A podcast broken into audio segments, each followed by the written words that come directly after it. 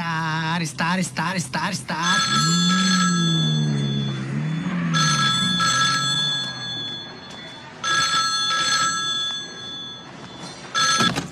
Hallo?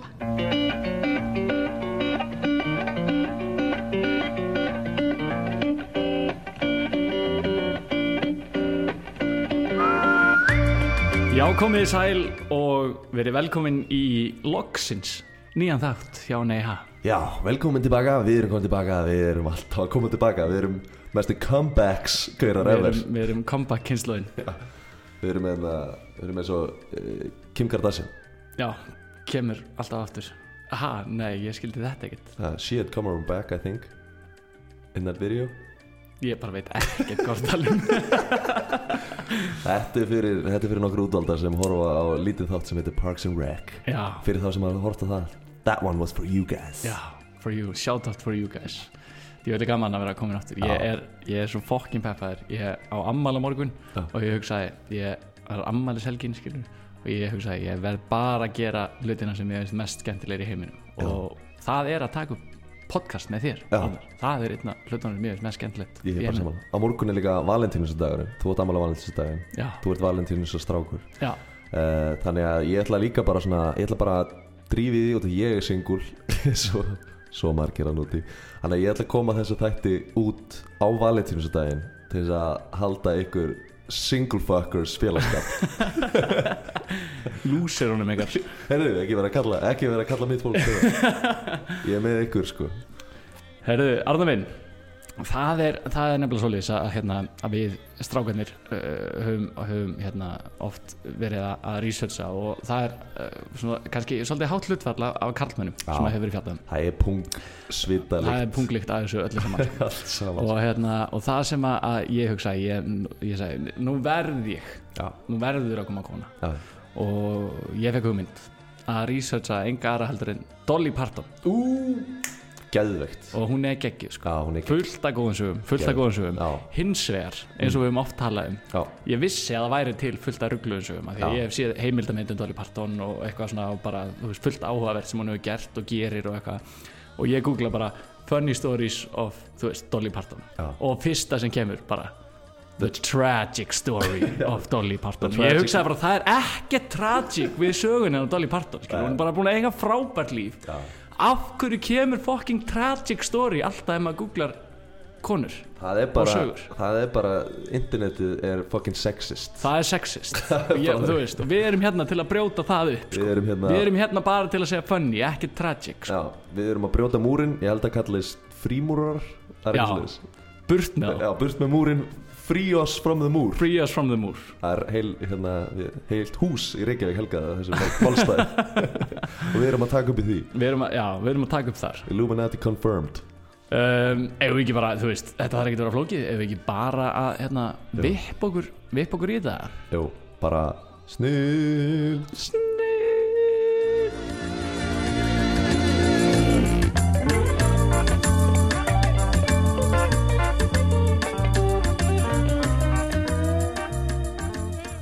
Ég hérna, þetta var stemming í gær. Já, Hversu fokki fyndi var þegar við spörkum í hjólið og það kom diggu diggu diggu Ég varst að ógeðslega fyndi að að þetta var bara svona moment. Ég og Gummi horfðum bara á hvernig hann og við erum bara diggu diggu diggu diggu diggu diggu verður ekki bara að segja söguna? Jó, sko við hérna vorum bara að labba, skiljum, í partí, já. klassíst Og það var líka fylgja söguna að ég var pyrraður Þannig að við vorum svona sparka í tómadósir og svona á leiðinni. Já, eitthvað svona, svo- með eitthvað læti. Já, svo sparkið þið í eitt svona rafmakslöpahjól sem að lága hliðinni Já, lága hliðinni og við eitthvað svona helvitist drasl og sparkið það. Og Gummi sparkar í það og það heyrist svona í hjólinu svona diggu diggu diggu og ég og Gummi bara bara um leið bara heldum áfram og svo sögðum við bara við Oddur, Oddur, þú verður að sparka hjólið og Oddur kemur að sparka og hann kom bara og við heldum áfram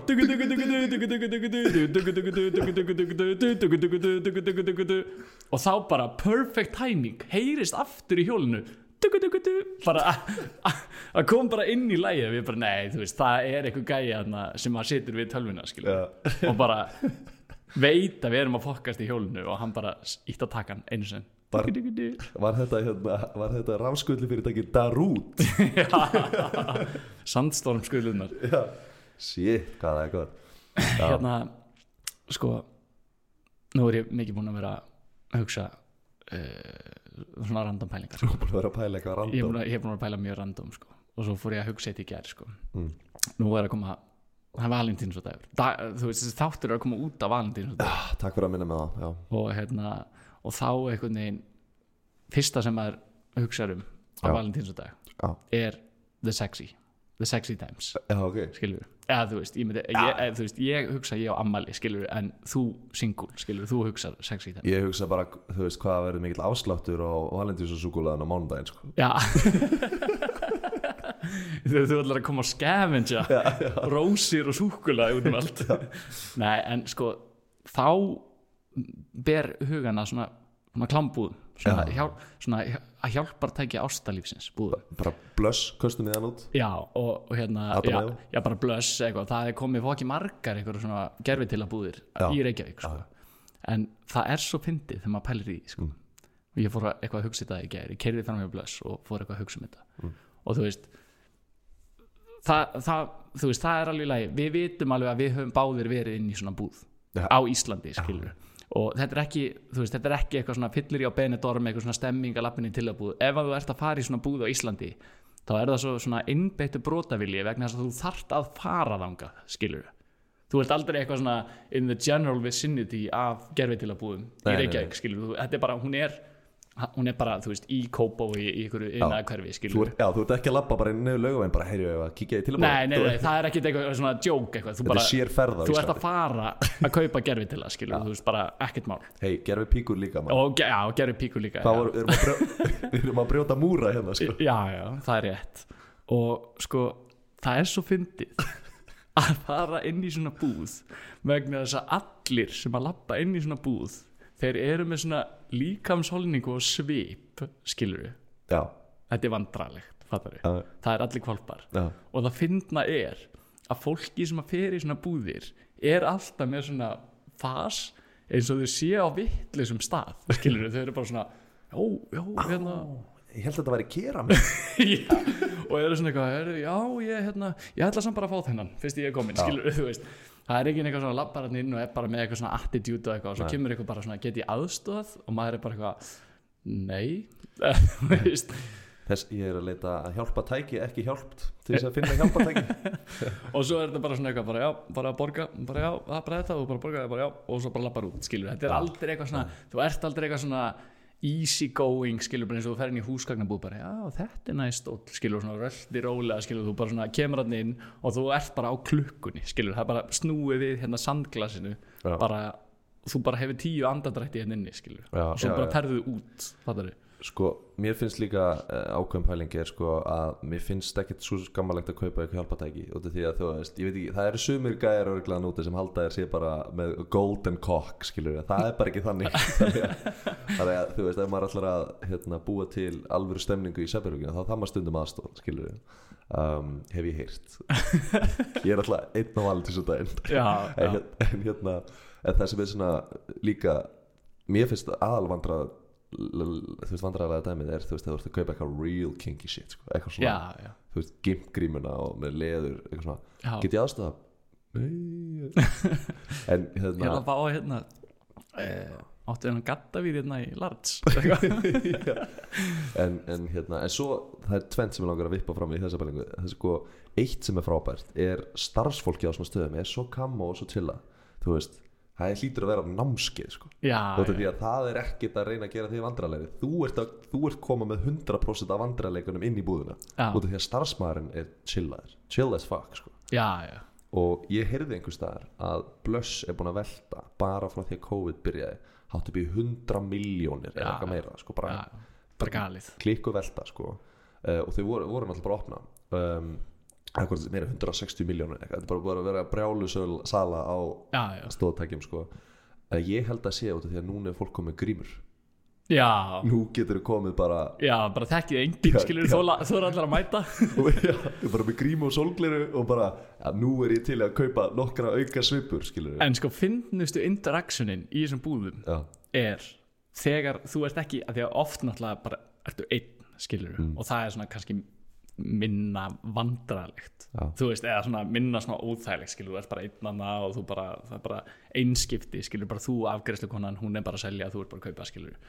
Bestu mómentin eru þegar það eru nokkrir inn í búðinni Já. og það eru allir að horfa hvort annan og eru bara eitthvað ég er ekki hérna sko. Þegar, þú veist, þetta er svona, þú veist það er bara svona væpið að nynni og bara já, get ég aðstofa bara, "Heyrðu, já, ég, hérna, ég veit nú bara ekki hvort ég sé á réttum stað sko.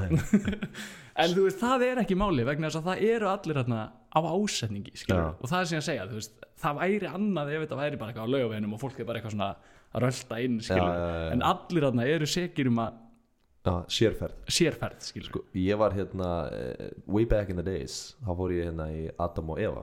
Já, og það var sérferð, það var, þetta var einbyttu brotalli já, uh, var þarna eitthvað kaupa eitthvað skilið og hérna og þá var ég náttúrulega svona mikið lúðið eins og maður er þannig í þessum búðum sko. Mm, og svo sá ég gamlan kall já, vera að skoða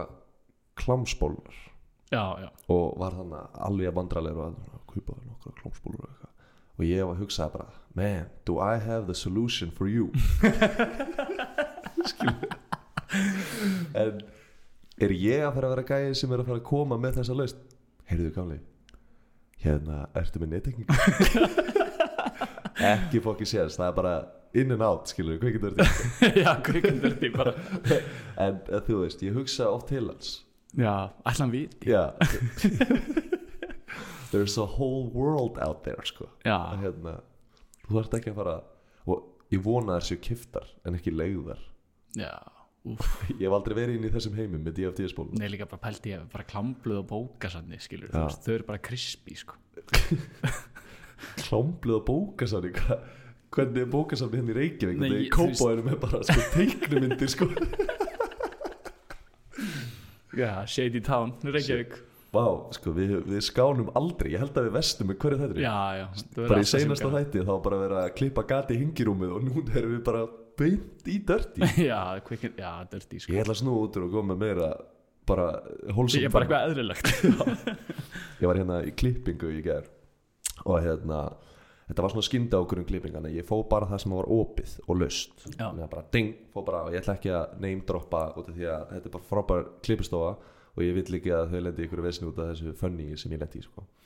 en ég syns að fór inn á klippstofuna og bara fór beint á næsta lösa gæja uh, og hann var arabískur. Mm, talaði mjög takbarka íslensku. En Já. talaði hann samt einhver íslensku og ég sest hann niður og tala bara við hann íslensku skilur mm, og ég er hérna bara, herðu ég er sett að sapna hári uh, búin að láta vaksa alveg næstu í halvt ár núna og ég, ég það bara svona að jafna þetta snirta þetta skilur bara Já, já. fá þetta að sjafnara uh, og, og hann var bara eitthvað hann bara já, já, já svona var svona, skilur, ég bara svona, já, þú veist bara þú veist, bara taka pínu, jafna þetta þú veist, klika langt að framan og klika langt að aftan ég er eins og einhver svona, þú veist, Dixie Boys eða eitthvað. Já, já, bara gera þetta næs. Já, og bara gera þetta næst skilur og hann var bara já, já, já, já, bara smá, bara smá. Ég bara, já, nókalega, bara smá skilur, og hann bara, já, kallið minn já, já, já, já, bara smá, bara smá. Og svo bara bara beitt rakvélinn bara nakkan af mig bara og ég bara fuck. No turning back. Ég Nei, bara, nei. nú er ég að hraðbrönd í stuttaklippingu ég get út af því að þú veist það sem er svo pyrrandi við klippingar er að strax úr byrjar þá er ekki no turning back. Þú getur ekki eitthvað, nei, nei, nei, nei, nei ég, ég, men, ég men Ít á öndu, þú veist, það er ekki hægt í klippingu sko. þannig að þú veist ég er bara svona, ah fuck. Og hann bara byrjaði bara að klippa mig og, og svo var hann eitthvað svona horfðan á, á hérna, ég er svo mikið sveipa aftan hann eitthvað ja, betra, betra bara smá og ég eitthvað svona, ok ég veit ekkert hvað það þýðir en, en jú, bara make me look good skilur Já. og bara, ég gaf hann meðlega bara frjálsa hendur. Mm, um, og, og, hérna, og meðan ég er sinni klippingu ég er svona pín og bömmir að hafa safna hári skilju, eða þú veist, út af því ég ætlaði mér alveg að safna hári þannig ég er svona, þú veist ég var pín og bömmir að það væri eiginlega búið klúður þessu fyrir mér. Já. þannig ég er svona síðan í stórum eitthvað, oh, svona pín í fí Hann bara búinn að klippa þig stuttan og bara er- Welcome to Arabia, Saudi já, er fleiri að fá þessu auðlýsingar ég er að fá sko reypi auðlýsingar hverju degi sko. En, það er allavega en hann er bara, þú veist, feskur skilur og síðan kemur, koma tveir íslenski strákar inn. Og íslenski strákurinn byrja bara og ég vona að enginn frá Arabíu takki þess að næri sér en, en hann, þessi íslenski strákurinn var bara eitthvað eitthvað byrjaði að tala arabísku skilur Já, og, og ég bara, ha, betur hvað er gerast? Og og þá kemur klippikonan sem var að vinna með þessum arabísku gæja, bara eitthvað, nei, talað þú arabísku? Og íslenski strákurum bara, já. Og arabíski gæðin að grenja úr hlátra meðan hann er að klippa mig. Það er í kasti. bara í kasti skilur, hann, og þeir eru eitthvað svona fellar arabíski gæðin þessi íslenski strákur. Mm. og íslenski strákurinn er bara og ég er bara, "Bíddu, hvað, þú veist það er bara ótrúlega arabísku og arabi, arabíkagæðin þá bara fokkin sturlast á hlátri. Og svo hún er eitthvað vákað, já hann eitthvað, já ég bjóð í Þískalandi og var að- í fótbolta með fullt arabísku strákum og þeir voru alltaf að kenna mér eitthvað. Og hún er eitthvað, já ok, og hvað hva kanntu, hvað varst að segja? Að ég var nú reyndar að segja slikt á mig raskat og þú bara Og ég- situr í dólnum bara hvar er ég? Arabíski gæðar hlæja svo mikið. Og bara at that moment þá var ég bara það eru býra alveg sama þegar ég sé komin í stutta klippingu. Þetta er fokki mikið snill og svo líka hórum til verða, ég voru enginn sé að halda ég sé að gera grínani, ég er bara að lýsa hlutur og sem gerðist, já, hann gaf mér frábæra klippingu, kallin er sharp as a knife já, já drullu fín. Ekki, ekki með sítt hár en bara sharp. Já, drullu fín. Bara sjáta þetta á þessa ónefndu klippingu. Eigum við að, hérna, við að fara sull okkur í þetta, ertu með einhverja pælingu? Nei, ekki bara að fara einn mesta OG á plánetinni Jó, bara Dolly LOG. Dolly Parton. Þetta var svolítið gaman að hérna, það var gaman að researcha Dolly, Já, vingunum mína, Dolly Ég- Parton. ég hef alltaf hérna eh, ég, hef fílað tónlistina með mikið og Jolene er kekkjalag Já, og eitt tricks sem ég mæli með að tjekkja á YouTube er hérna að taka Jolene þá var einhver sem fattaði að þú spilar sko Jolene plötuna á hægari snúning. Mm, 33 í staðan fyrir 45 já, þá er svona geðveikt chilla rólegt lag með Jolene bara það er algjör tricks, tjekkja það á YouTube. Já, geðvegt Hérna, sko veistu mikið um Dolly Parton? Nei, nefnilega að þú veist, ég veit eh, ég, ég hef nú eitthvað, þú veist, maður var svona maður veit, eitthvað hún er alltaf það fræg að Já. maður veit alltaf eitthvað þú veist, ég veit alltaf að hún var klikku country, country stjarna Já, og, og þú veist, og ég veit að hérna, hún, þú veist, hún var með þú veist, bara Johnny Cash og þessum kongum sko. já, já, algjörlega og hún hérna, sko ef við, ef við tökum going, going back to the roots, skilur byrjum bara þar, það er uppbyggingin. Það Já, er já. klassíska nei-ha uppskriftin já, sko. já, og hérna það er eitt reyndar já, sem við glemdum að tala um. Nú? Ein random bara áður um byrjum. Ein random árum byrjum, eða, þetta er eiginlega random saga. Ok, hvað er með hana? Ég sitt á aðfangadag já, við matarborðið. Já, já, ég sitt á aðfangadag. Við erum búin að búa hérna, aðarétturinn skilur og ég eldaði hann að ég fekk að hérna, hinni sá mig faski ég sitt við borðið, er að fá mér rauðvínsglas og hérna og tek upp síman opna Instagram já, og ég sé að ég er með svona direct message já, og ég hérna hann er alltaf ekki búin að opna pakka eða neitt skilur, þú veist allir pakkandi bara við jólatriði og svaka fín og ég er með direct message en fyrsta svona storyð sem ég gæti hort á var story frá þér. Já, og einhver hluta vegna þá bara kíkti ég á þitt story frekar heldur en að opna messageið já, ég opna storyð hjá þér. Já. og þá er gjafalegur í tattoo sem að þú- veist, þú ert með í story sem að stendur bara til hamingju Arnarhugi og Gísli. Þið unnuð 50.000 krónar gjafabrið í tattoo Þannig að fyrsta jólagjöfu sem þú opnaðir var frá mér að bara 50.000 krónar tattoo ógeðslega mikið commitment í þetta jólagjöf. Algjör king. Og ég myndi eftir þessu að einhvern tímann í byrjun desember að þá takkaði þú mig í einhvern Instagram leik. Og þú veist og ég er náttúrulega bara komið þangað að einhver fokkin Instagram leikir Já. eru bara mið skilur maður- maður vinnur aldrei. það vinnur aldrei neitt skilur þetta er bara bull. Nema hvað að þú taka mig og segir bara er ekki komið tíma á næsta? Og ég er bara hvað he he he jú. Herðu bara 7.21 á aðfangadag unnum við 250.000 krónar gjafabrif í tattoo. Já, og auðvitað skilur, ringi ég bara beint í þig skilur, bara grenju hlátri skilur og þú í kasti líka skilur já, og við tókum það bara ákvörðun.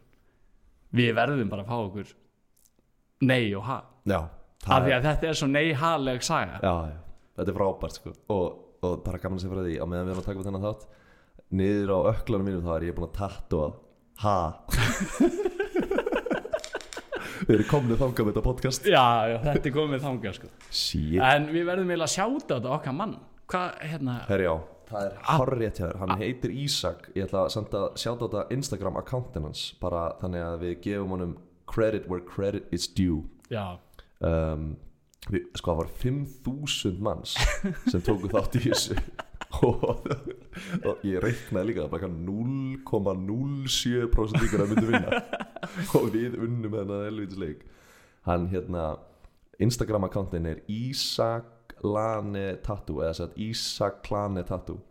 Hann er að tjekkið á honum hann er, hann er hjá Apollo Inc hann er frábær tattoo-artisti og bara major shoutout major sjáta við erum hefi í sátti með hann. Hann er bara marking us for life hérna, sko. en hérna aftur að Dolly Parton Já. ég bara varði að hendi sinna Já. því að ég var búin að hugsa já við verðum að segja frá þessu sko. ég klippi þetta eitthvað til já, Dolly fucking Parton Dolly fucking Parton sko, þú veist hún hérna uh, þú þekkir hana þess ja, ja, þú veist, svona, þú auðvitað veistu hver Dolly Parton er skilur, bara- hún er hjút hún er hjút sko. og hérna og brautriðandi brautriðandi, mikill brautriðandi í tónlist og hún er grjótörð sko. já, hún er grjótörð og hérna ég hafði mjög gaman að því að rísa þáttinn fullt af skemmtilegum sögum. Já, og þú veist, ég náði alveg að stýra fram hjá þessu tragic life, þú veist, ég hlust ekki á þetta tragic life story kjátaði, sko. Veist, það, það er ekki tragic við þetta life story, sko. Nei hún er legend. Hún er legend, sko.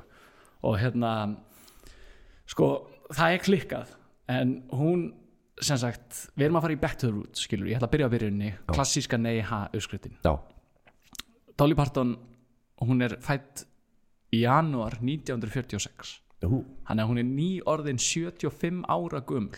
Wow sem, og þú veist, ég var bara í sjokki. Ég var bara, wow, ég vissi ekki hún væri svona gömul því hún lítur bara fokkið vel út skilur. já, og hérna, og hún hérna, hún er bara, þú veist country legend icon sem að varð, þú veist, svona strímaði inn í popsinu dæmið, skilur já, og er kannski svona fyrst, í, fyrst til að gera það einhver svona fræg country stjarnar sem að verður líka fræg fyrir utan country heiminn í bandaríkjunum, já, skilur ok.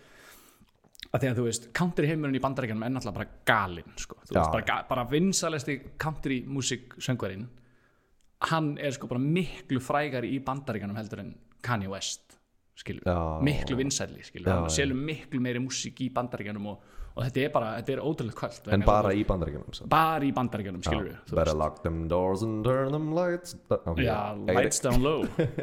Og hérna, en, en Dolly Parton hún sem sagt er bara svona southern girl. Já, úr, þú veist, suður ekki að stelpa skilur, Já, já. hún er bara howdy partner skilur og hérna mætti í stúdíu howdy party og hún, hún sem sagt, hún fættist sem sagt í bara svona smákofa við einhverja á í Tennessee skilur, bara Já. einhverja svona moldarkofi nánast skilur, já, og hún er ein af tólf sískinum shit. Skilur, you have to fight for your right to party í fokkin stórum sískinhóp sko. já, shit. Og, og elst upp í rosa mikil fátækt og, og, hérna, og faðurinnar hann, hann sæði henni eitt sinna að hann hefði sko borga lækninum sem að delivera hann, eða þú veist tók á mótinni hann hefði borgað honum með póka af svona kornmjöli skilur, svona kornmjöl skilur, Já. mölu korni og hérna hún kemur, kemur úr söðrinu og, og sem sagt afi hennar var prestur í svona megatrúasöfnuði shit. Skilur sem er bara svona sem að heitir eitthvað svona Pentecostal Church eitthvað sem er bara svona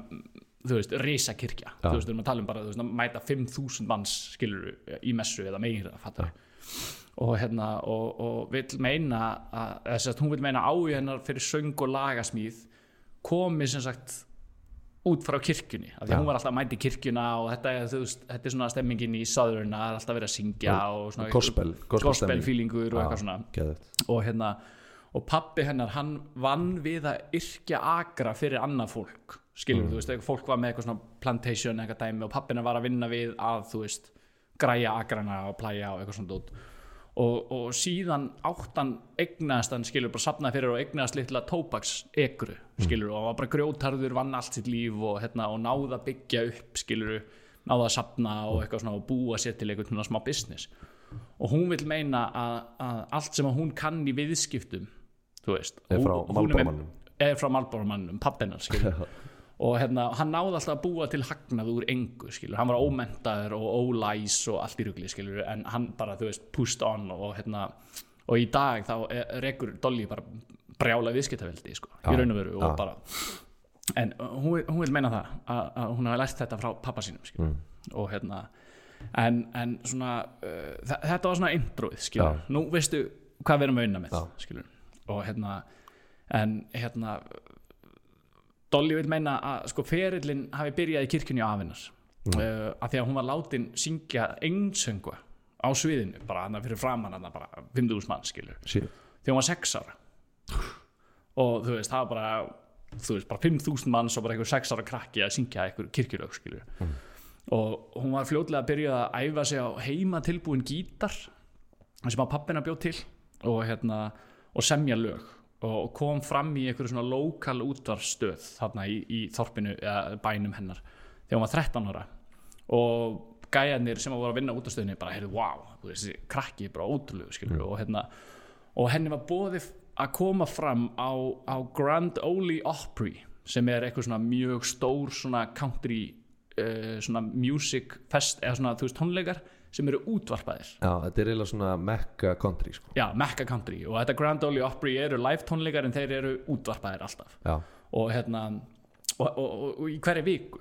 Þetta er í, í Nashville, Tennessee. Já, og hérna og, og hún kemur hann fram með sem sagt frænda sínum eða móðubróðir sem að var gítarleikari. Og, og þetta var árið 1959 og hún bara er að koma hann skilur bara krakki í 13 ára gömul. Og, og hérna hún er kynnt á svið af engum öðrum heldur en Johnny Cash. Og hann er bara á sviðinu. Og hann kynir hana með því að segja að það væri lítil stelpa hérna frá austur Tennessee sem væri að fara að spila og, og pappinar væri heima að hlusta á útvarpið. Og hann er alveg brjálaður ef, að, ef að hún fengi ekki að koma upp á svið og, syngja. Mm. hann er að, hérna, að hann býður henni á sviðið, kynir hann svona sko, og, og hérna og kvöldi endaði með því að Dolly og, og frændinar áttu bara að syngja eitt lag en fengu þrjú uppklöpp fólki var svo ánægð og eftir tónleikana þá kom Johnny Cash til hennar og sagði hérna, word of advice skilur sama hvað þú gerir þá áttu alltaf að fylgja innsæðinu Mm. í tónlistinni og þú mynd verða successful, successful. Mm. tók hann helviti alveglega já, já. þetta var svona Follow your fo gut fo follow your gut sko. follow your heart Já, Johnny Cash skilur, þú veist, vissi nákvæmlega hvað hann átt að segja. Og ég vissi ekki að hann var bara hann var bara frá byrjun, Johnny Cash. Já, já, bara þú veist, bara kynnt hann á svið skilur, Já, bara hellað sko. Trillt. En uh, Dolly sko Dolly Parton hefur alltaf verið með frekar svona einkennandi útlitt Já, og hérna stórt og mikið hár. Alltaf bara svona eitthvað mega mikið. En, en að vísu vegna þess að hún er alltaf með hárkollu. Nú, já.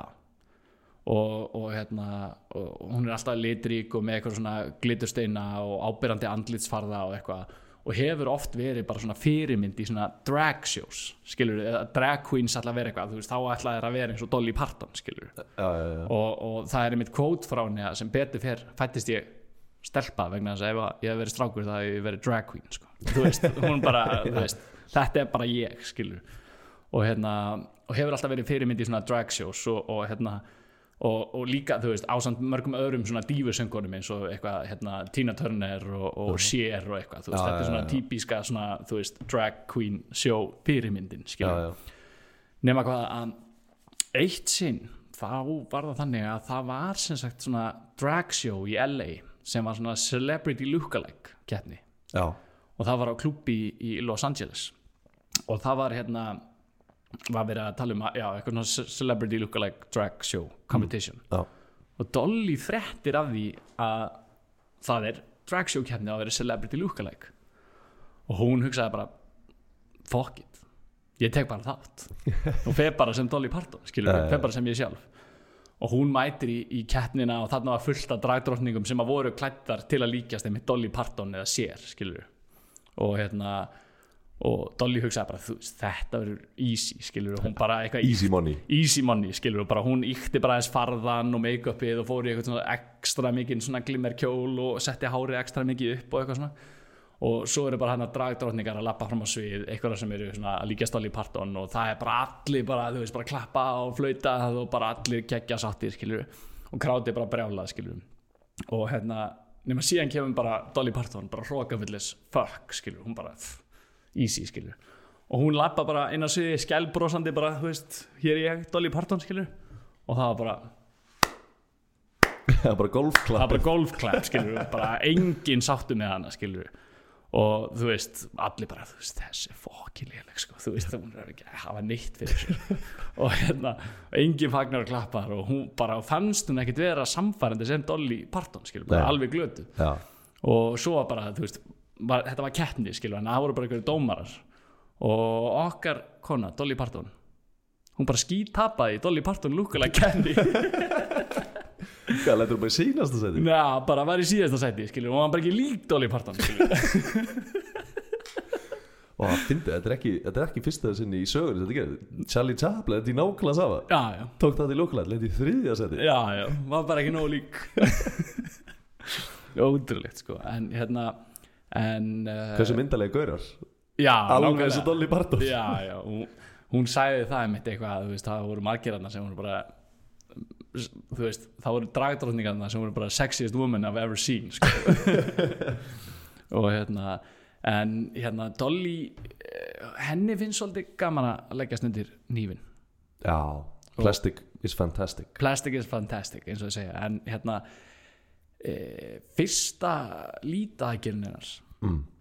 hún gerist bara þegar hún er lítið barn nei, ha? Jú, og það gerðist nú svoleiðis að hún var eitthvað að leika með bræðinu sínum og var að hoppa yfir eitthvað grindverk já, og lendir á brotinni svona mason jar mm. og sker eiginlega bara af sér ternar sko. eða þú veist það er bara svona slassast og bara losna einhvern veginn svona ternar og bara rústu skilur og bara grenja og blóðum allt og eitthvað. Dinga, linga, linga, ling. Og mammin er bara kemur bara og bara fuck, heyrðu við þurfum að sótt henni þetta en þú veist þetta er bara fátækt fólk. Hann hafa bara gamlega góði bara kerosín hérna bara bensínbrúsin skilur bara Ja. helli bara bensíni á löppin á henni skilur kveikir í bara. bara til að sótt henni og hún er bara og hérna og tekur bara svona cornmeal og dýfir eða sérst helli cornmeal á fótinn á henni til að þú veist þurka blóðið og eitthvað svona og láta það gróa og svo bara kom mamma gamla bara og saumaði bara tærnar aftur á hana sko, sko ég er að læra læknisfræði og hvergi hef ég lesið gamla bensín og og Cornmeal. trixið þetta er að hella sér sko og þetta er hérna fyrsta lítaðgerinn hennar sko. og, god damn it sko og það er frækt kvót eftir hennar sem að er hérna it takes a lot of time and money to look this cheap sko. oh my god. Fuck maður, ég get þú veist, ég er lítið mér þegar ég þarf að spritta sko, bara maður með paper cut já, já, nei, nei, bara, sér bara mamma gamla kæmi bara með svona Bensínbrúsa. skýta, skýtaðan bensínbrúsa bara hætti þessu fokki væli krakki. Já. En eh, eins og ég talaði með Já. á country music heimurinn, bandaríkan fokkin ruglaður, skilja, þú veist þarna er bara við erum að tala um það, þú veist, bara við horfum á bandaríkin og við erum bara, já, stærstu stjórnar í bandaríkin er bara Kanye West og Britney Spears og eitthvað svona dæmi, en þú veist þau eiga bara ekki róð í þessar country stjórnur sko, sem eru bara reisastórar bara money making machine. Money making machine. Og í raun og veru þú veist hérna sko, þú veist, miklu vinsalli í bandaríkjánum, eða þú veist essin hlustunartölur og revenue af plötusölu innan bandaríkjana heldur en Beyoncé og, og Kanye West í saman, sko, þú Já. veist, þau bara þú veist, þetta er bara, þetta er bara gali dæmi og það er bara risa country festival skilur, það sem er bara kemur bara fullt af einhverju liði bara á pick-upum og með kúrikahata og eitthvað, allir bara til í þetta sko.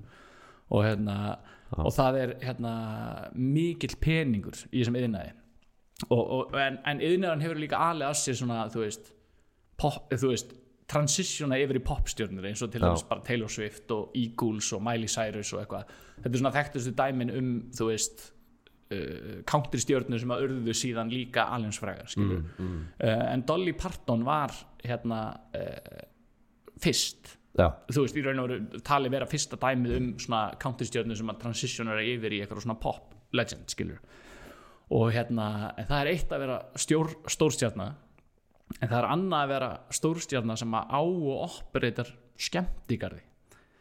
Ha? En 1988 nei 1998 þá opnaði Dolly Parton ymitt skemmtigarðin í Pigeon Forge, Tennessee gamla svona heimasvæðin hennar. Mm. skemmtigarðin Dollywood. Og það er hérna sko uppröðlega hugmyndin var bara því að hún vildi skapa störf á þessu svæði sem er svona fátækt og, og erfitt eða eitthvað og hérna uh, að því að það um svona miklu efnahagslegir erfileikar á þessu svæði sko. mm.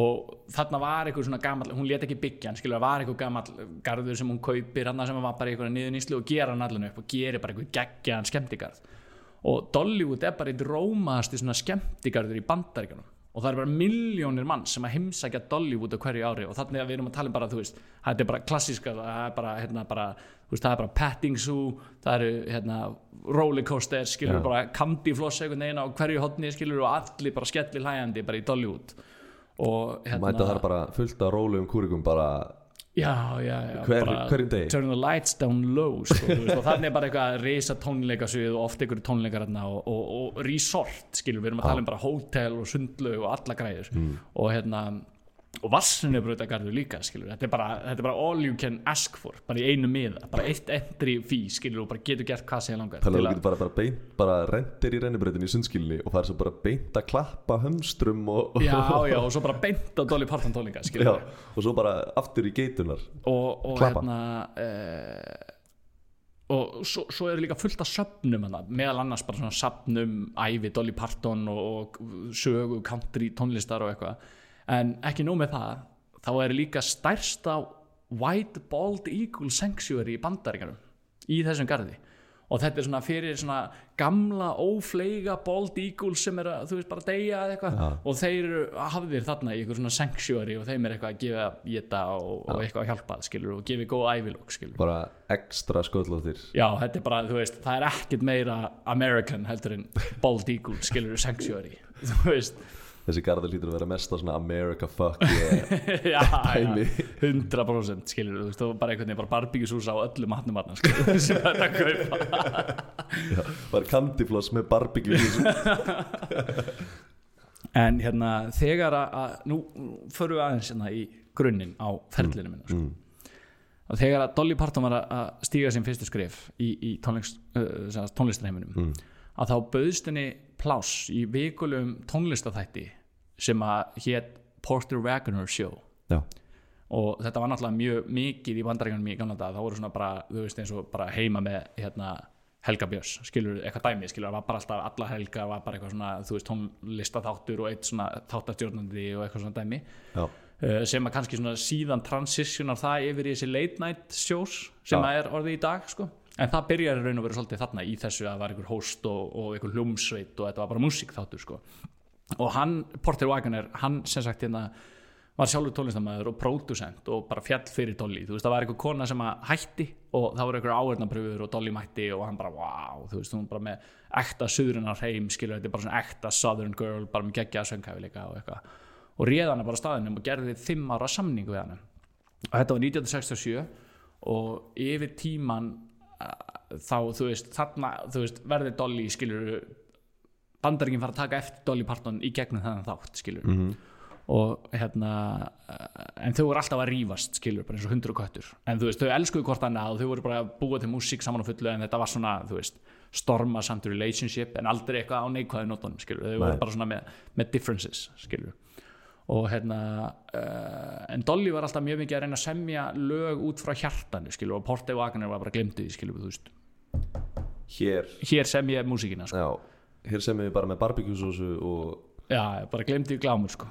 og hérna, þú ert bara að fara að syngja lögin sem að ég sem og hérna en þau gefa hann út plötur saman og verða rosa vinsalar og svo árið 1973 að þá Dolly var alltaf að reyna að gefa út sín einn lög að þá gefur Dolly út lag sem heitir Jolene. Risa, risa, risa lag. Risalag. Og það verður bara over the top vinsælt skilur við bara efsta vinsæltalistum og eitthvað á. En, og, og, þarna var tíminn sem hún áttaði sig á því bara hún þyrfti að fara að slíta sig frá þessu Porter Wagoner dæmi skilur og, og gerast bara solo skilur og stuttu setna sérst 1974 og þá var hún búin að vera sjö ár í þættinum skilur en þetta var eitthvað kontrakt og, og þú veist og hún var í raun og verið búið með kontraktin sinn skilur en þau voru svo góði vinir að hún vissi ekki alveg hvernig hún ætti að, hérna, að segja bara, heyrðu, það er bara komið fínt, skilur, ég þarf bara að fara að move on. Þannig að hún gerði bara sem hún gerir best. Fór bara og samdi lag. Og hérna og hún bara mætir á skrifstofuna hjá Portu Vagnar og se- segir hún bara setjast niður í, í sófan og hún bara hérna, samdi lag sem að skilabóðin ættu að vera skilur að, hérna, að hún þurfti að hætta að vinna með honum og gera solo artist. Bara glemdu því glámur ég er farin burt. Og, en hún gerði það út af ást við hann og hún bara segir hann að setjast niður og hún bara samdi þetta lag við þig og syngur fyrir hann a cappella I will always love you. Sem að Dolly Parton samdi. Já. Sem að Whitney Houston síðan gerði cover af sem að var náttúrulega risastort já, það er ekki ma- margir sem vita það þannig að and I Will always love you. Já, ég, við erum klika góða söngur en, en það er Dolly Parton OG lag. Það er Dolly Parton OG lag og hún semur þetta fyrir hann skilur og hann situr þarna bara í sófanum skilur bara með bara krókudílatár í augunum skilur bara, já, já. og bara og hérna að, þú veist, og lagið fjallaði um það náttúrulega í raun og veru að hún var að taka þá ákvörun að, hún var að fara úr þættunum en hún myndi alltaf elskan, þú veist sama hvað, fattaru og hérna sem, þú veist, vinnur, fattaru og hann stendur bara alveg bara grátbólgin í klessu, skilur og er bara eitthvað, wow, veist, þetta er bara fallegasta lag sem að ég á æfi minni heist og hann bara ég er bara að hætta næst í vinnunni svona og hann bara, þetta er besta lag sem við samið og bara sjálfsög átt að verða solo artist bara með einu skilir ef að ég fæ að pródusera lagið Mm. og bara, hún bara, já, já, bara sjálfsög og hann og Dolly, hann pródusera lagið þegar lagið kemur út verður bara Já. þú veist, klikka vinsælt uh, og þarna er náttúrulega aðalega í country heiminum, mm. fattari mm. uh, síðan leið tíminn og, og Dolly bara fær hérna, þú veist, einhverja samninga henni bóðið að leiki bíómyndum sem að var rosa einhvern veginn svona næsta skref fyrir tónlistamenn, þú veist, eins og margir gerðu eitthvað Michael Jackson eitthvað og að leiki einhverjum bíómyndum og hérna og fræðasólinn hjá Dolly Parton hérna uh, bara rís en á sama tíma þá súrnar sambandi á milli þeirra svolítið. Og hann vildi meina sko að Dolly skuldaði sér einhverja peninga í royalties og hérna, eða þú veist svona stefgjöld og hérna og uh, kærir hana í raun og veru. Og hérna og þú veist og hún var náttúrulega orðin alveg bara molduð þú veist út af öllum bíómyndunum og, og, og plötusölu og eitthvað dót. Og hún hérna vildi meina að hérna að eitthvað, kemur með ákæru upp á 500.000 dollara. Mm. og Dolly bara saltaði það og hann var í einhvern svona fjárhagslegum erfileikum þú veist, bara þarna orðin gamall og er kannski svolítið að missa þetta Porter Wagoner show, þú veist, dæmi sko og Dolly hún bara saltaði það með því að kaupa öll lögin hans sagt, höfundaréttin á eina miljón dollara. Og hérna þú veist, og bara gefur honum eina miljón dollara og bara kaupir á honum höfundaréttin á öllum lögunum hans skilur og síðan bara eitthvað hérna líða eitthvað tvö ári eða eitthvað. Og hann orðin svona smá leiður í við því að hafa selt lögin sín skilur og spyr Dolly hvort að megi byrja að kaupa það tilbaka. Og Dolly sendir hennum bara bref bara þú mátt eiga þau. Ég held að hann var að fara að segja mér annað lag um hann. Glemdu því. Glámur. Farðu til fjandans. Og hún bara kefti þetta á eina miljón dollara og gaf honum síðan aftur höfundaréttina öllum lögunum og þau sættust og urðu vinnir og komu fram í kringum aldamótina og svona endur komu tónleikum. Og það var í fyrsta skipti sem þau komu saman bara síðan hann eitthvað, 1975 eða eitthvað. Og hérna í fyrsta skipti sem sagt í meir en 30 ár. Og, hérna, og það var alveg svona svaka dæmi og það var á Grand Ole Opry eitthvað svona dæmi og þau komu fram og sungu eitthvað lög saman. Og hérna uh, síðan fekk Porter Wagoner lungna krabba minn einhvern tímann í kringum 2006 eða eitthvað og hann liggur á dánabeðinu og þegar Dolly kom til hans uh, og bara fjölskyldan er bara og, hann, og við erum að tala um bara hann er að deyja bara. Og Dolly er aðna og fjölskyldan hans uh, að þetta var 2007 segja fyrir ekki og hann síðasta ósk á dánabeðinu var að heyra Dolly syngja I will always love you. Og sagan segir sagt frá fjölskyldinni að hún syngur I will always love you til hans. Og nokkrum augnablikum síðar að þá bara deyra Þetta er klíka Ég líka veit ekki af hverju ég set þetta twist á þetta. Fyrsta sem ég hugsaði bara á, spítalum allavega minnurinslu þá eru menn mennilega ekki einir í herbyggi sko, það er svona mennilega svona tvö sjúkrarúm sko.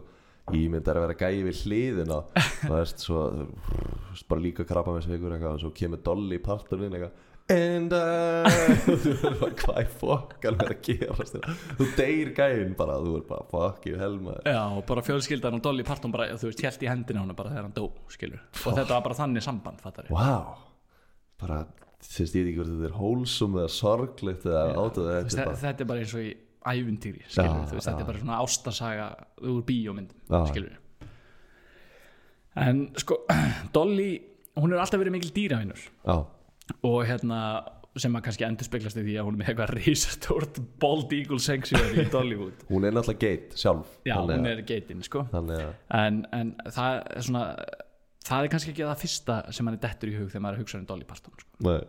og, og, kannski það sem maður hugsa um þegar maður heyri Dolly Parton skilur er annars vegar náttúrulega country music og eitthvað. En hún er líka alveg ein, einkinandi útlitt sko. og, og, hérna, og það eru kannski viltar hárgræslur og, og hérna og, og, og eitthvað svona brjála make-up. En þú veist Dolly Parton trademark já, eru risastór brjóst. Já, já, bara svona bara þrýhyrndar já bara, bara rísa risajulur má, má maður segja tútur veist, er bara, hún er bara með stór brjóst það það er bara, á íslensku er það þannig og hérna uh, og þau komu til vegna lítaðgerðar Já. þú veist, shocking news. Já, já, uh, en hérna en sagan að bakvið þá aðgerð er ekki vegna þess að henni langaði eitthvað í risastór brjóst nei. heldur vegna þess að hún lendir í slísi og þegar að- Dolly var 23 ára já, þá var hún að spila á country festivali sem heitir CME í, í Nashville, Tennessee og er ennþá í dag bara eitt svona stærsta country music festivali og hérna og þetta er bara, þú veist, bara deep south þú veist, dæmi, skilur, það er bara chicken wings og barbecue og allstaðar einhvern veginn og, og hérna og, veit ekkert hvert þú ert að fara með þetta bildu bara, hún er, er risa brjóst en svo var slís og kjúklingavangir og barbecue ég bara, þetta er að fara að ég, þú veist, ég er bara setting the scene, nema þarna er, hérna, var svona reyðurringur á þessu festivali, skilur, eins og er ofta á einhvern festivalum er hægt að gera eitthvað rast og, hérna, og það var svona reyðurringur sem var hægt að fara á hestbak og það voru líka einhver svona hestasýninga með einhverjum gæfum á kúrikata og einhver svona stallions og einhver svona dæmi og, og hérna, nema hvað að Dolly sveitastelpa, skilur já, alltaf búin að vera með einhver hesta og dýr og eitthvað kringu sig. Og hún ákveður að fara bara og spila hérna eitthvað kvöldið og er svo bara á festivalinu og hérna ákveður að fara í svona hestatúr fer á hestbak og eitthvað svona stemming og þau eru eitthvað í reyðsúr uh, svona þú veist, eitthvað svona ring svona. Mm.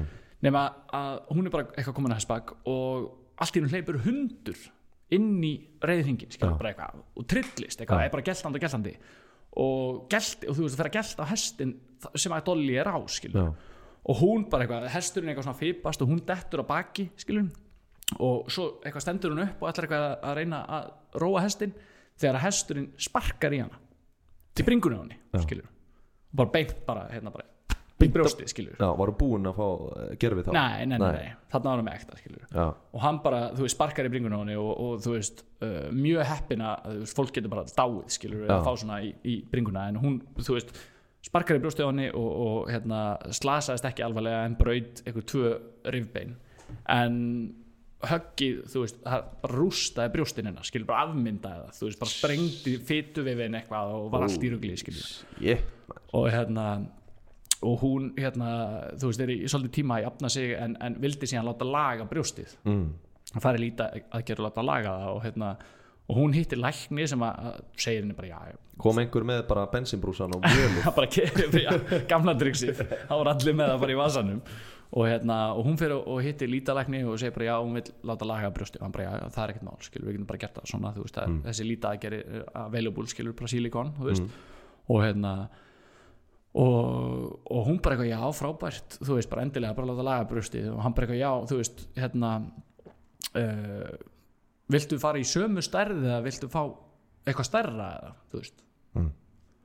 og Dolly var bara þú veist fyrst við erum, go big or go home. Já, bara fyrst við erum byrjuð þú veist, er það ekki bara alveg gott að fá meira verið penningin þetta er svo bandræst líka og bara sagði bara, super ég, ég ætla bara að fá stæstu sem er til shit, þetta er ágættu trill, maður, ég hef aldrei gruna að þetta kemur út frá einhverju svona. En þú veist já, en kannski þegar maður lendir í svona miklu höggi þá vil maður bara vera með góða loftpúða til þess að lendi ekki svo aftur. Já, þetta var precautionary. En sko hérna uh, Dolly hún, hún hérna hún elskar krakka. Já, en hún á engin börn. Já ok. Og hérna það var bara uh, ákvörðun sem að hún og, og maðurinn hennar tóku að, að hérna, þau voru eitthvað að reyna eignast börn en, en hérna en eignast aldrei börn að því að hún var alltaf bara upptekin að reyka veldi sitt sem tónlistakona og var alltaf að túra og það var bara einhvern veginn aldrei tími og síðan var það bara orðið of sint basically sko. Já, og þe- þetta var svona ákvörðun að þau voru alltaf að ákveða að býða og svo bara svona inn í end eignust ekkert barn og, og, svona kannski hérna þú veist og talar um í dag hún, í dag sér hún ekkert eftir þeirri ákvörðun skilur hún elskar að vera í kringum börn og, og gera hluti fyrir börn og eitthvað en uh, einu sinni varð hún kannski smá nálagt í að verða mamma sko. nú, uh, hann var á sagt, fyrri hluta fræða ára hennar þegar að Jolene var aðal hittarinn í bænum sko mm. þá voru hún og, og maðurinn hennar bara eitthvað, fóru út að borða koma heim eitt kvöldi og er að lappa upp að hliðinu þú veist svona, ekta svona típis svona gate skilur fyrir Já. framann einhvern garð og það er bara pappakassi. Og þau bara, what? Ha? kíkja ofan í pappakassan það er bara unga barn. Bara human baby bara kassa. human baby, bara í pappakassa. Bara vafið inn í teppi skilur og bara miði ofana sem að stendur bara ég heiti Jolene, mamma mín skildi mig eftir hérna hún vil að þú eigi mig Ding ha, What a dingaling sko. Það er þetta veist, bara nýbúin að borða þú veist, barbecue ribs skilur og koma heim í þetta skilur bara chicki í kassa fyrir framann Þetta er, þetta er bara svo bíómyndalegt.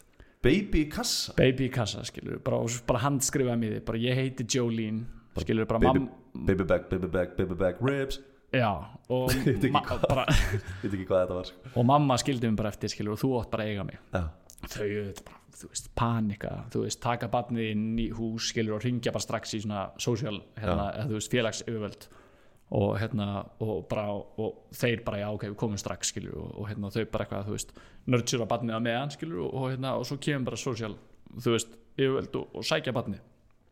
Og hérna og miða við það að Jolene var hittari 1973 að þá er þessi Jolene stelpa, litla, sem var skilin eftir hann fyrir utan hún er í kringum 48 ára gömul í dag ef hún er enn á lífi skilur já, og Shit. stóra spurningin er hvort að hún hafi einhvern tímann kíkt á tónleika hjá fóstumömmu sinni. Já Og það reyna að stela kallirinn Please don't take my man. Já, en hún, hérna Dolly talaði um það, hún svona wonder oft hvort að, Jolene hafi einhvern tímann verið á tónleikum hjá sér. Shit Það lítur bara að setja eh, nýtt svona bara level á hvernig hún syngur lagið. Hún er svona að syngja þetta lag og pína að pæla bara, ætla hún sé svona? Já, já, það er, já. Klálega sko. Ég kemst ekki yfir bara unga barn í kassa expected. Nei, þú veist, Hvað- emma er fó... Þú veist ekki, ég væri bara eitthvað hérna færi hérna í kaffi eitthvað og síðan bara kem ég hérna fyrir utan garðastrætið skilur og það er bara pappakassi og maður bara svona batnagrátur og maður bara, hæ? Líka bara maður er svo spenntið þegar maður fær pakka maður er eitthvað, hei, bara pakki. Og svo opnar það bara human baby. Já, bara krakki. Og maður bara strax bara instantly bara, úúú, shit, hvað þetta er fucking klikkað Já, fuck maður. En hérna Dolly Parton eins og ég sagði uh, er með viðskiptaveldi. Risastórt. Uh, og hún er metin á, á sko 500 miljónir dollara. Sem er bara Dolly Parton Enterprise basically mm. og inn í því er náttúrulega skemmtigarðurinn Hvað er mikið í íslenskum? og öll lögin fokkin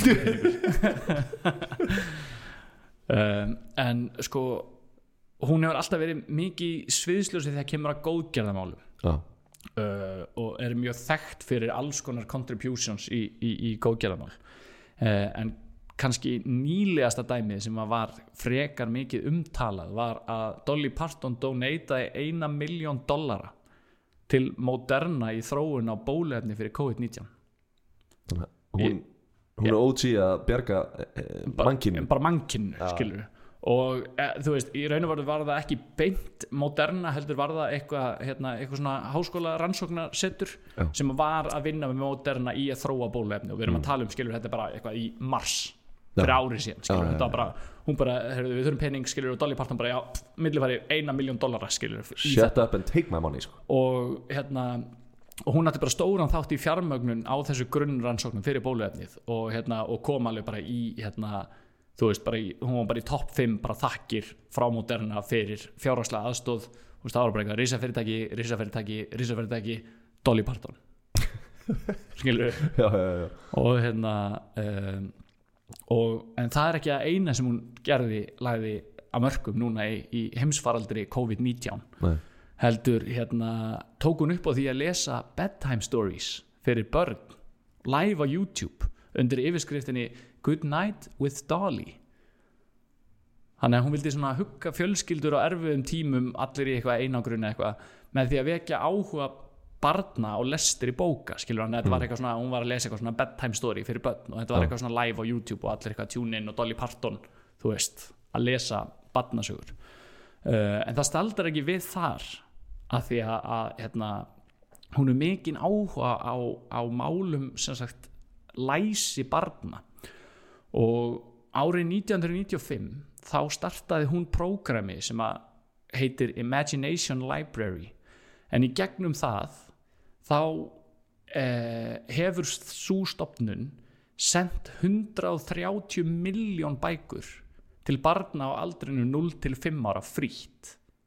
Þannig að þetta er bara Imagination Library, þú bara ferðar inn og skráir bara nafni á barninu þínu skilur bara ein, þú veist, Gísli Arnarsson skilur, Já. hann er bara 0 til 5 ára í bandaríkanum uh, og hann vil bara vera hérna í Imagination Library og þá einu sinni í mánuði þá færðu senda fría bók og þú veist, personal bref sem er bara eitthvað kæri Gísli, hérna er bókið þín hvað ég að Dolly Parton, skilur þetta ekki, eitthvað handskrifa skilur, það er svona stílað á barnið og hún er búin að gefa hún er búin að gefa 130 miljón bækur.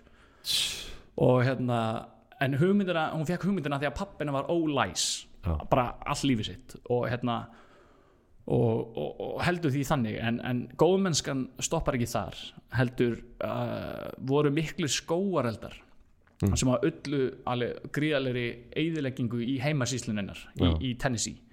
Og þá stopnaði hún til góðgerðasjóða og gaf öllum þeim sem mistu heimilin sín í skóareldunum 900 fjölskyldum 10.000 dollarar á fjölskyldu hvað er mikið í við, hvað það er 900 manns 10.000 dollara. Bara,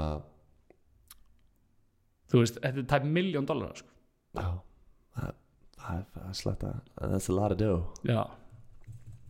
Þannig að, að þú veist hún bara, já, bara, þið bara látið mig vita ef þið mistið húsið ykkar og bara fáið 10.000 dólar þannig að James Cameron er bara eitthvað að kaupa slökkubíl og, og fylla laugina sína fróðu Dolly Parton, hún er alveg að hjálpa sko. hún er alveg að hjálpa. Ekki drull en hérna uh, hún þú veist, í dag Mm. rekur náttúrulega gríðalegt hérna, viðskiptaveldi eins og ég Mm. sagði. Og hún hefur samið yfir 5.000 lög. Ha, já, 5 G's 5.000 lög sem að er vitað um skilur essin að hafa verið gefin út en hefur, en segir sjálf ekki séns muna hvað hún hefur samið mörg lög yfir æfina vegna þess að þú veist hún samdi náttúrulega einhverjum fullt af lögum þegar hún var batn og einhver lög sem hún tók aldrei upp eða skrifa, þú veist, bara yfir 5.000 sem eru útgefin skilur, þetta eru hvað 15 ár á hverjum einasta degi eitt lag? Já. nei, er ég röglega, jú, er þetta ekki 15 ár?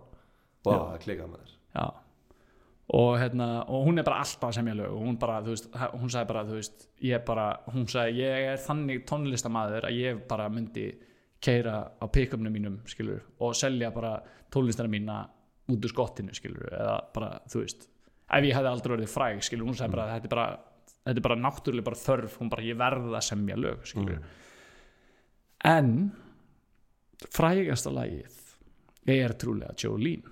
Já, og Jolene hefur náttúrulega hérna svona ástar þrungin texta um konu að nafni Jolene með svona fagur rauðbrúna lokka og er að tæla elskuga Dolly, eða þú veist lægið er sett hann upp sko. já.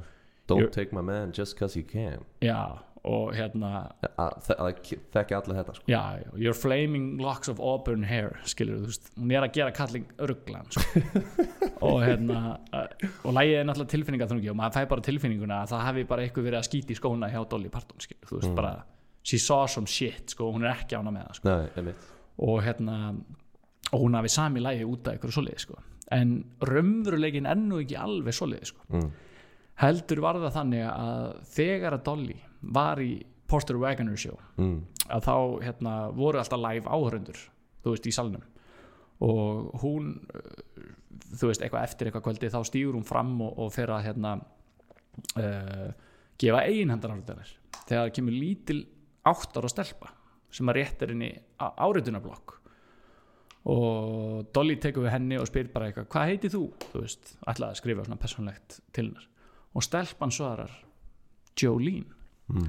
og Dolly bara eitthvað já og er að skrifa og er bara eitthvað svona Jolene, Jolene, Jolene Jolene. Og svo bara Jolene, Jolene. Já og hún bara, hún sagði og þú veist, að því að hún var bara eitthvað já, bara eins og maður eitthvað, já, Arnar, Arnar þú veist, eitthvað, með hún var að skrifa. Já. og hún var bara, sagði bara fjóru svona bara Jolene, Jolene, Jolene, Jolene. Og svo sagði hún bara þetta er bara geggja countrylag That's a hit. That's a hit. Og Ef hérna, hún hefði hitt Arnar þá hefði þetta verið bara Arnar, Arnar, Arnar. Og það hefði aldrei verið hittari. Nei, nei, nei, langt frá því sko.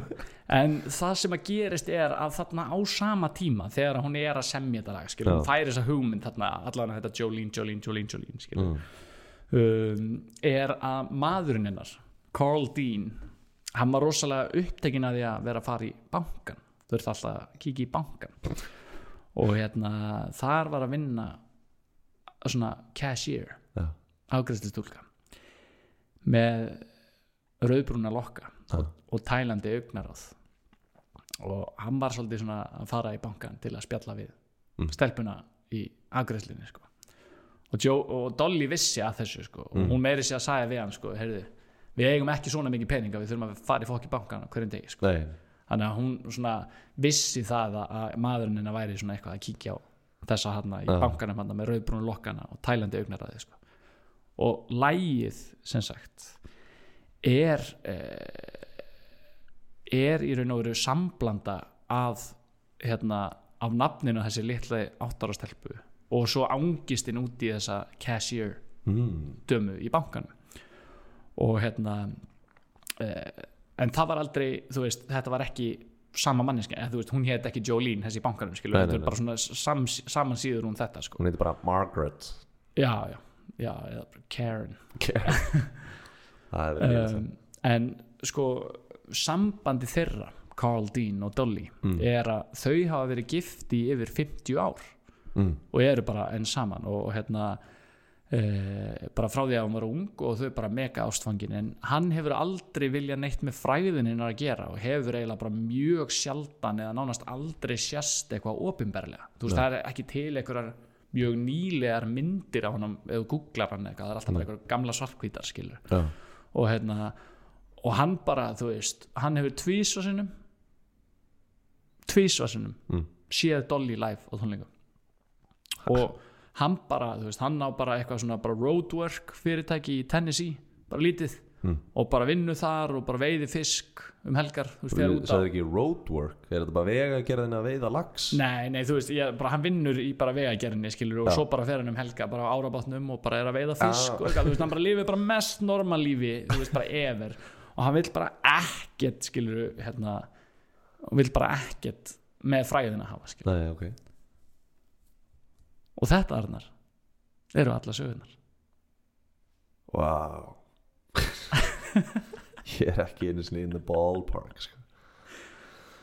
Wow, fuck maður Þetta var Þetta Vokka mig fannst þetta bara Þetta, leið, þetta var svona eins og þú var að segja eina continue sögu og nú er þetta bara búið Já, pældi því Shit mjög skemmtilegt, ég ætla líka aðeins að sko, hún er fokkin fyndin sko. Hún var í einhverjum hérna var í einhverjum Jimmy Kimmel þætti þar sem hún bara reytt á sér brandara sko, Mm. og hún klikka orðheppin, margir tala um það og ég, hérna, ég ætlaði svona að æsi þið með að byrja í kvótunum Já, taka kvótleikin, já, svo bara gati ég ekkert búið til kvót sem að, þú veist, það Hva- hefði verið svo fokkin augljóst. Já, hvað var líin? hvað var lígi, Já, ok. vegna þess að hinn eru bara svo geggi, þannig að ég verði eiginlega bara að segja þér kvót Já, og svo veljum við bara besta.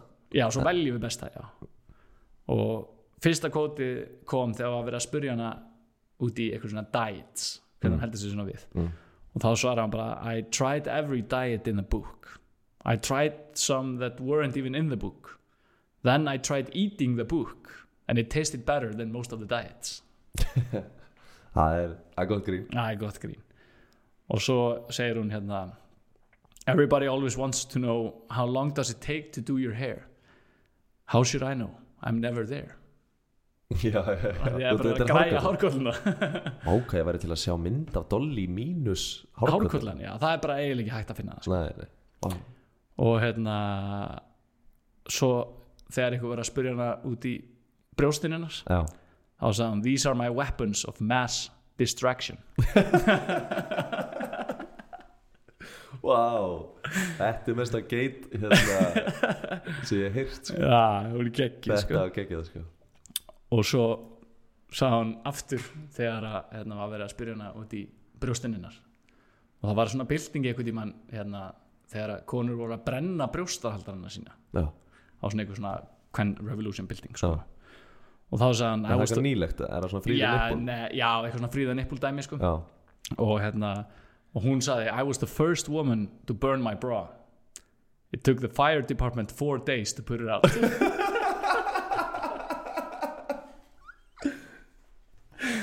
Wow, shit. Og svo hérna var verið að spyrja hana út í, í badnegnir já, og þá sagði hún my songs are like my children. I expect them to support me when I grow old. Já. Þetta var dýp, já, 5000 börn. Já, 5000 og öll að kassin krónunum. Haldin, uppi. Þetta er öll kvotin við þurfum eiginlega að velja besta, þetta eru mörg góð sko. sko ég verði eiginlega að segja sko mér fannst hérna sko these are my weapons of mass distraction Já. er, það er geggjað wordplay sko. það er geggja sko. en, en ég verði eiginlega að gefa það sem fekk okkur til að hlæja mest mitt vóð it took the fire department four days to put out the fire það er svo okkur getur það er líka bara geggjað þetta því að veist hún er eiginlega með sko hún er með abnormally stórbrjóst sko. já, þess vegna eins og þú, þú veist því að ég veit ekki hvort að ég veit ekki hvernig hvaða samband konur hafa við, við orð á brjóstum minna nú eru mörg orð fyrir eins og tippi skilur bara tippi, tilli, göndull, eitthvað svona og ég veit ekki hvort það er eitthvað svona með neikvætt með að segja brjósttútur, eh, júllur eða já, eitthvað. já. en, en þú veist, út af því að hún er með svo rosalega ábörði brjóst þá er einhvern veginn bara svona doesn't do them justice að segja bara brjóst. Nei, nei, og þetta er bara risa. Já, já, og þú veist, og hún hefur bara geggjaðan humor fyrir já, skilur. hefur nefnilega Hún- geggjaðan húma fyrir sjálf og hún er bara, þú veist, já, Ég bara, these bara- are my weapons of mass distraction, Já. sko. Ég ætla, mitt vót fer á hérna, slökulið já, já, mitt líka, sko það er bara langt finnast það var svo sko. en þá verði ég að fá recap þú veist, ég þarf að, vinna mig tilbaka. Já, þú ert að velja, sko. Tökum, ég, ég byrja á að, segja hérna að, að hún hafi hérna að pappina hafi verið að yrkja agrana og hún hafi alist upp í, í fátækt. En það var bara meira svona intro. Það var ekki saga, Nei, skiljum nei, nei. fyrsta sagan er eiginlega að hún hafi byrjað ferilinn hérna í kirkjunni hjá afa sinum já, og hérna og fór svo 13 ára gömul uh, búið að syngja á Grand Ole Opry þar sem að Johnny Cash kynnt hann inn og sagði að, að þetta væri lítil stelpa að pappina að vera að hlusta útvarpi og hann er brjálaður ef hún fengi ekki að syngja í kvöld. Og, og hún fekk þrjú uppklöpp og, og Johnny Cash rölt til hennar og sagði sama hvað þú gerir follow your Follow your instincts já. follow your heart. Og hérna uh, mesta saga var að, að hérna að Dolly Parton tók þátt í, í Celebrity Lookalike Drag Contest Já, í. Los Angeles og þegar hún steg á sviði allir búin að vera brjálæði brjálæði stemming þegar hún steg á sviði þá fekk hún bara golfklapp og lendi bara í síðasta sæti í Dolly Parton Lookalike kemni ekki einu sinni remotely lík Dolly Parton sko. nei, nei, nei. síðan hérna var það þegar að, að fyrsta lítaaðgerðin þegar Dolly Parton hoppaði og brotna mason jar Já, og hérna mamminar tók gamla góða bensínbrúsan og kornmjölið sóttrisaði fótinn á henni og, og setti kornmjöl til að stoppa blæðinguna og saumaði svo bara saman tærnar á hana. Ég fæði bara illt í terna að Og- heyra þetta sko. og þá uh, sagði hann þetta fræga quote it takes a lot of time and money to look this cheap Já, síðan hérna tölum við um að hérna að hvað country músík heimurinn í bandaringanum er, er óskiljalegur Já. uh, og mikið af peningum í honum. Og, og það eru margar stórstjörnur í bandaringanum fyrir utan country heiminn en það er ekki margir sem að eiga sinn eigin skemmtigarð. Nei, en Dolly hún á skemmtigarðin Dollywood sem að er bara með bara all in one ticket bara vassinribröðagarður Bald Eagle Sanctuary bara hótel, rússibannar kandifloss með barbíkjusósu þú veist, þetta er bara allt. Ég verða að segja að er bara það er eitthvað svona ófæð Ég veit ekki hvort að ég myndi fara í Dollywood og bara hugsa Herru, ég verða að muna eftir sundskilni já, ég þarf að pakka sundskilni eða koma oh, ég er ekki með djöfull. Það er líka bara eitthvað svo dört Ég verða með kandifloss í sundi. Það er ógislegt Það er fucking sjúkt sko. uh, síðan sagði ég söguna uh, að Dolly svona frægiðasólina reisi í The Porter Wagner Show. Já, uh, og, og hann var eigingjarn á Dolly. Vildi að hún myndi bara vera í þættinum og syngja lögin hans og, og svo gefur hún út Jolene og þá svona opnast þessi svona solo-karriér fyrir henni og, og, og hún vildi hætta. Hún gerði það með því að tilla honum í sófan og, og samdi fyrir hann lægið I will always love you. Mm. söng það fyrir hann og hann var alveg bara hérna, grenja og grenja og sagði bara ekkert máli ef ég fæði að prodúsera það. Síðan fór það út í það að hann var eitthvað ósattur, vildi Monnís og kærir hana. Eh, en hún saltaði það með því að kaupa höfundaréttina öllu lögunum hans á eina miljón dollara og gaf honum svo lögin aftur ánældu gjalds og svo endaði með því að, að hann fekk lungnakrabba minn 2007 og Dolly Parton kemur í sjúkrarýmið eða hann að herbyggið mm. fjölskyldan sittur hérna og, og hinsta óskinnans var að heyra Dolly Parton syngja einu en I will always love you. Og hún gerir það og nokkrum augnablikum síðar bara deyra já Og Bob Billy Bobson var hann að hliðan og bara Hvað er að gera? hvað er, bara, er, er þetta Dolly Parton hérna ábygglega haldið hann væri dáin þú veist, þegar bara, þetta gerist ekki Þetta er búið fyrir mig. þetta er búið, ég er bara am I in heaven sko. um, síðan sagði ég söguna því þegar að, að Dolly var 23 ára mm. og var að spila á CME í Nashville, Tennessee þegar að hún lendir í, í slisi á hestbaki sem að verður til þess að, að, hérna, að hesturinn uh, sparkar í hana hún dettur á baki og stendur upp og hesturinn sparkar í bringun á henni og hann brotna tvö rifbein og afmyndar sagt, eitt brjóstið. brjóstið, eitt brjóstið. Uh, sem að enda með því að, að, hérna, að hún vil færi lítið að gera láta laga brjóstið á sér og læknir segir við hann að hvað viltu hafa það eins eða stærri? Og hún bara þú veist, finnst við erum að byrja þú veist, Bara go big og bara go home. go or go home. Bara stærsta sem átt það er svo- ruggla að fara úr engu í þessi risabrjóst já, já, með, sko. það er klika sko. Já, um, svo hérna sagði ég söguna að, að einu sinni fór hún út að borða mm. mannum Carl Dean Mm. fór að fengu sér rips og svo komuðu heim bara og voru að lappa að hliðinu já, og það er bara heitt pappakassi fyrir utan hliðið. Baby in a box. Baby in a box, bara gamla Það triksið, er bara skrýta að segja þetta upp á. Það er baby in a box. Það var bara gamla góða baby in a box, bara Já. vafinn í reyfi og bara miði sem að ástóð bara ég heiti Jolene, mamma mín nefndi ekki eiga mig, hún vill að þú eigi mig og hérna og, og hún væri 48 ára í dag þessi baby Jolene. Sem að, sem að þau náttúrulega bara skiluðu til svona social hvað heitir þetta? Social, nei, Nei, er Social- social, services social services. Já, social services um, en uh, Dolly Parton hefur alltaf verið svona ábyrjandi í góðgerðamálum Já. nýlegast dæmi er að hún donataði miljón dollara fyrir Moderna vaccine research bara ruggla allt sem þú varst að telja upp sko. Já, uh, hún uh, hjælt úti YouTube channel sem heit Good Night with Dolly þar sem hún var að lesa uh, svona bedtime stories fyrir börn í, í COVID-19 faraldrinum. Uh, en 1995 stopnaði hún líka Imagination Library og hefur gefið 130 miljón bækur til barnana af aldrei 0-5 ára frýtt Mm. og, og fekk hugmyndin út frá því að pappina hefði verið óles.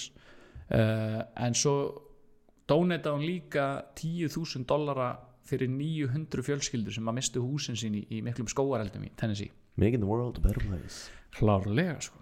Og Ég er líka, þetta er, er þetta ekki 9 miljónir Við sögum 1 miljón, er þetta ekki 10.000 sinnum 900 eða ekki 9 jú, miljónir 9, 9 miljónir, já, Já. það var það sem ég ætla að 9 segja. miljónir bandaríkjadala. Já. Tjóðlega er vel, ég er í starffræðina Stjartfræðilega fokkin leilir að rekna já, já, ég, ég meinti 9 miljónir uh, en sko hérna svo sagði ég það að, að hún hefur samið yfir 5.000 lög sem að þú veist eru skráð. Já, en hún segist ekki séns muna hvað hún hefur samið mörg sko, fokki mörg. Og hérna frægasta lagi er trúlega Jolene sem að byggir í raun og veru tilfinningaþrungi svona lag um, um konu sem að eða mann svona upplifir það að þetta er eitthvað kona sem að sveik Já, eldaði grátt silfur með mannin minna sko. já, já. Og hérna, en það var nú ekki alveg þannig heldur, uh, byggir lægið upp á, á, á áttara stelpu sem að hétt Jolene sem að hún Mm. gaf eiginhendarordnun á, á í Porter Wagner show mm. og þessari hérna, banka cashier lady sem að var með rauðbrúna lokka á tælandi hugnarað hún var að reyna að stela kallinu minnar Já. Carl Dean og semur, semur lagi út frá þessum fjúsa þessu saman og svo enda ég á því að segja þér aðeins frá manninu minnar, Carl Mm. Dean en hann er bara eitt chillaðasti gæðin vil ekki sjens bara með fræðinu að hafa svo bara leggja malbygg hefur og, og eldafisk elda fisk og hún bara, þú veist hún, hvað ætli Dolly hafi spilað á mörgum tónleikum og hann bara, að, þeir bara tvisar bara nothing new. Ég, það, það er ekkert nýtt sem ég þarf að sjá skilur Æ, það er ekkert gaman að þessu og bara hann vill bara laga vegi Myndum, veiða fisk. Þú hefur ekki látið sig hafa allavega svona einu svona ári eða, Já, ná, þú, veist, kom, þú veist, hvernig getur Dolly ekki verið bara, nennir að koma? Og hann er bara eitthvað þú veist, ég sá þig 1985 og það er eitthvað búið að breytast það- það- síðan þá. Fokkin ótrúlega tánum sko. uh, já, Já. þetta voru allar sögurnar. Ú, það er svona, þú veist Ég þarf að, ég, við fáum að velja tvær. Það er samt til svona þrjár í hausnum á mér. Ég er svona, pæla að gera mental note Það sem ég ætla ekki að velja. Ég ætla að skrifa hérna, ég ætla að skrifa hérna niður þannig að, þannig að ég geti verið fokki pyrraðir ef það verður sá sagan að Já. hún- er ekki að fara að vera einu í mengjunni hjá mér sko. nei, ég skil er hérna, ég er búin að skrifa það niður Ok. það stend, stendur hérna í tölvunni hjá mér þig ok, flott en söguna sem ég er að pæla að velja mm. og því finnst skrítið að ég hafa ekki heyrt neitt um það sko. og því að ég er svona þekki dolli alveg það vel að mér finnst og maður myndi einhvers þar heyri þetta og þetta er líka svo skrítið stökk og það er hestur að sparka í brjóstið og Mm. þá bara, heyrðu, beint í bara risasílu. Já, já. En þú veist, sko nota benni hún var ekki flatbrjósta, skilur hún var alveg með brjóst, Já, hún var, hún, hún var já, fyrir, fyrirfram fyrirfram, með já, stór bara ung, skilur. En hún ákvað að fara all in. Já, já, þú veist, og ástæðin fyrir því þú veist, hún var með flott brjóst, skilur Mm. og það rústaðist Það rústaðist. annan brjósti, skilur, og þess vegna Já, þannig að það finnst mér þú veist, finnst þess að þessi saga ætti að vera frægari já, til þess að, að maður hefði ekki ekki hýrt hana já, þú veist, fattur mig, eða Einmitt. svona hmm, síðan ég er ekki alveg með góð rauk við því, sko, en Mm. ég held að það hafi bara með að mér finnst að vera of mikið svona bíómyndatróp já, það er Baby in a Box. Baby in a box. Baby in a Box. Já, já. Einmitt. það er svo það er svo bara svona rosalega mikið bíómyndadæmi sko. já, þetta Þannig er að þú bara kemur og krakkin er ykkur svona já, körfu. Bara Benjamin Button hérna bara atrið já, síðan held ég að þú hafir svona stýrt sögunni þannig en svo gaf hún frá sér barnið út af því að hún alltaf ekki börn. Og Já. það verður að fitta inn í narrativið já, skilur já, þannig að það Nákvæmlega. er svona það er svolítið svona movie trope finnst já mér sko. heitir Jolene og þetta er svona já, svolítið sveitt já, já, þú tekur þetta frá sko læginu, heitir Jolene og þannig að hérna Baby in a Box ég bara af hverju rúlar þetta svona á tungunni að segja já, þetta er bara eitthvað Baby in a Box, Baby in a Box þetta, já, það er eins og þú hafur ekki sagt neitt annað stressaður. Þungur? Það er langt síðan gískaði. Já, langt síðan. Ég mm, úf, það eru svo jafnar hjá mér þessar tvær sko. hvað er þriðja?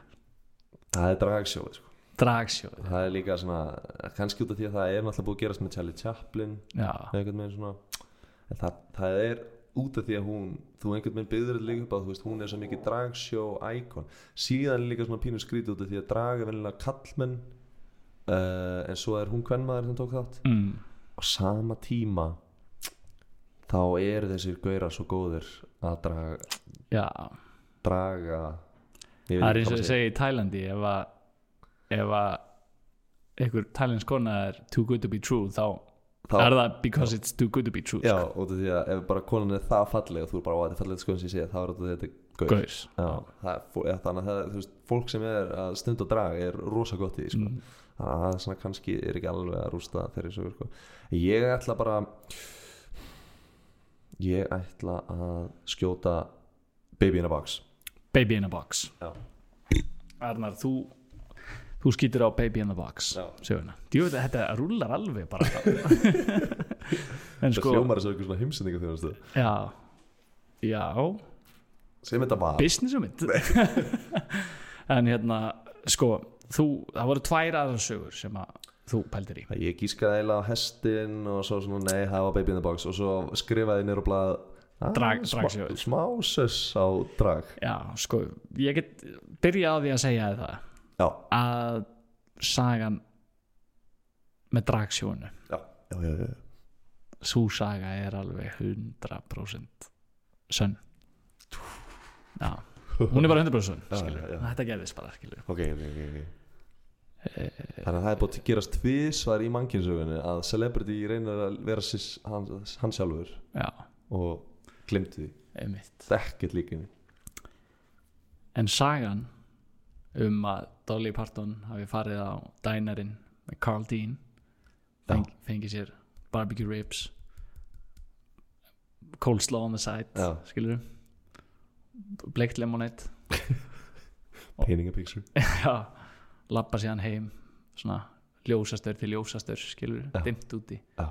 rólegt kvöld, kemur að hliðinu og bara þetta var ekki hérna þegar við fórum út skilur, og pappakassi, kíkir ofan í og þarna er lagt í eh, bara í rey Jötu í, í jötu úr pappa skilur bara í vafin í reyfi með handskrifaðan miða.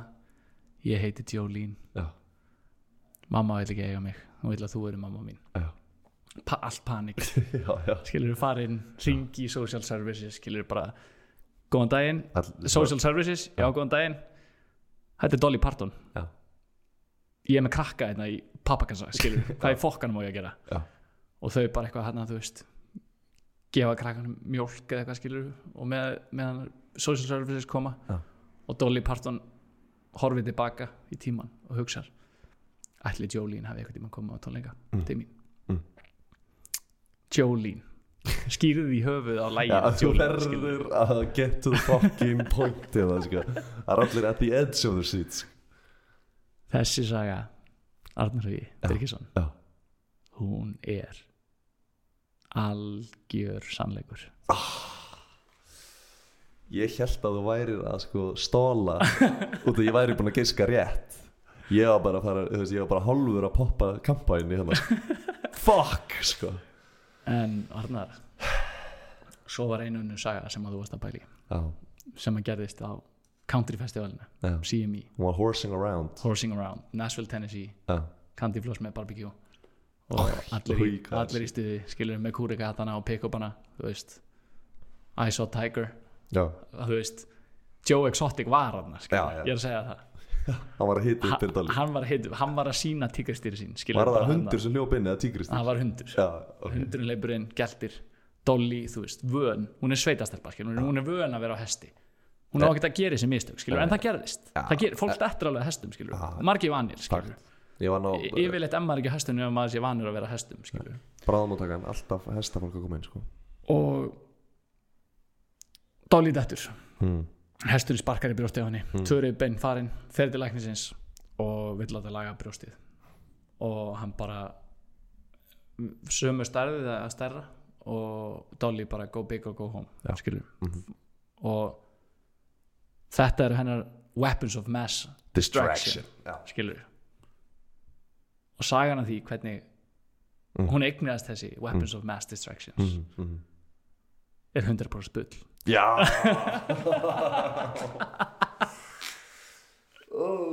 Varst varstu farin að svitna þegar ég var svona komin in the ég ballpark var alveg farin að kreppa rassinn svona alveg, ekki segja Ekki segja. og maður er svo eigingjart í þessu leik maður vill ekki að hinn nái nei, nei, sér nei, sko. nei, nei, maður verður svo byrra maður verður svo leiður Já, aldrei láta lega sér oh.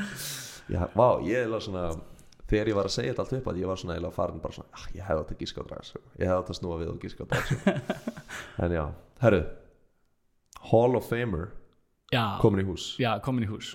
Dolly Parton. Dolly Parton þetta þetta var, þetta var bara drullu fín þetta var fínt comeback. En það ekki? Og ég er uh, byrjar að researcha næsta þátt þannig að því megi alveg búist við að það sé meira að fara að já, dekna kortur more, more coming. Ég, hérna, keep it coming. Já, ég, ég ætla að gefa hint bara fyrir næsta þátt, bara snarlega þess ekki segja Mm. hver það er sko. Ég ætla bara að segja cocaine it's a hell of a drug sko. cocaine is a hell of a drug. Já. og bara að þeim nótum og bara lífið þér, já, bara takk í dag goodbye Hawaii. Sjáumst í næstu viku kannski. Nei, líklega eh, eftir, við erum að fara nefnilega norður að skýða þannig að það verður eftir það. Já, þá tökum við helviti góða já, við erum hefil já, þetta er gott. Bara takk fyrir að hlusta takk, Takk. fyrir að koma aftur. Takk fyrir að koma aftur. Og, og, endilega, þú veist, segi vinum ykkur þú veist, tell your kids tell your wives. Já. because we're making everybody laugh out here. Já, vonum það allavega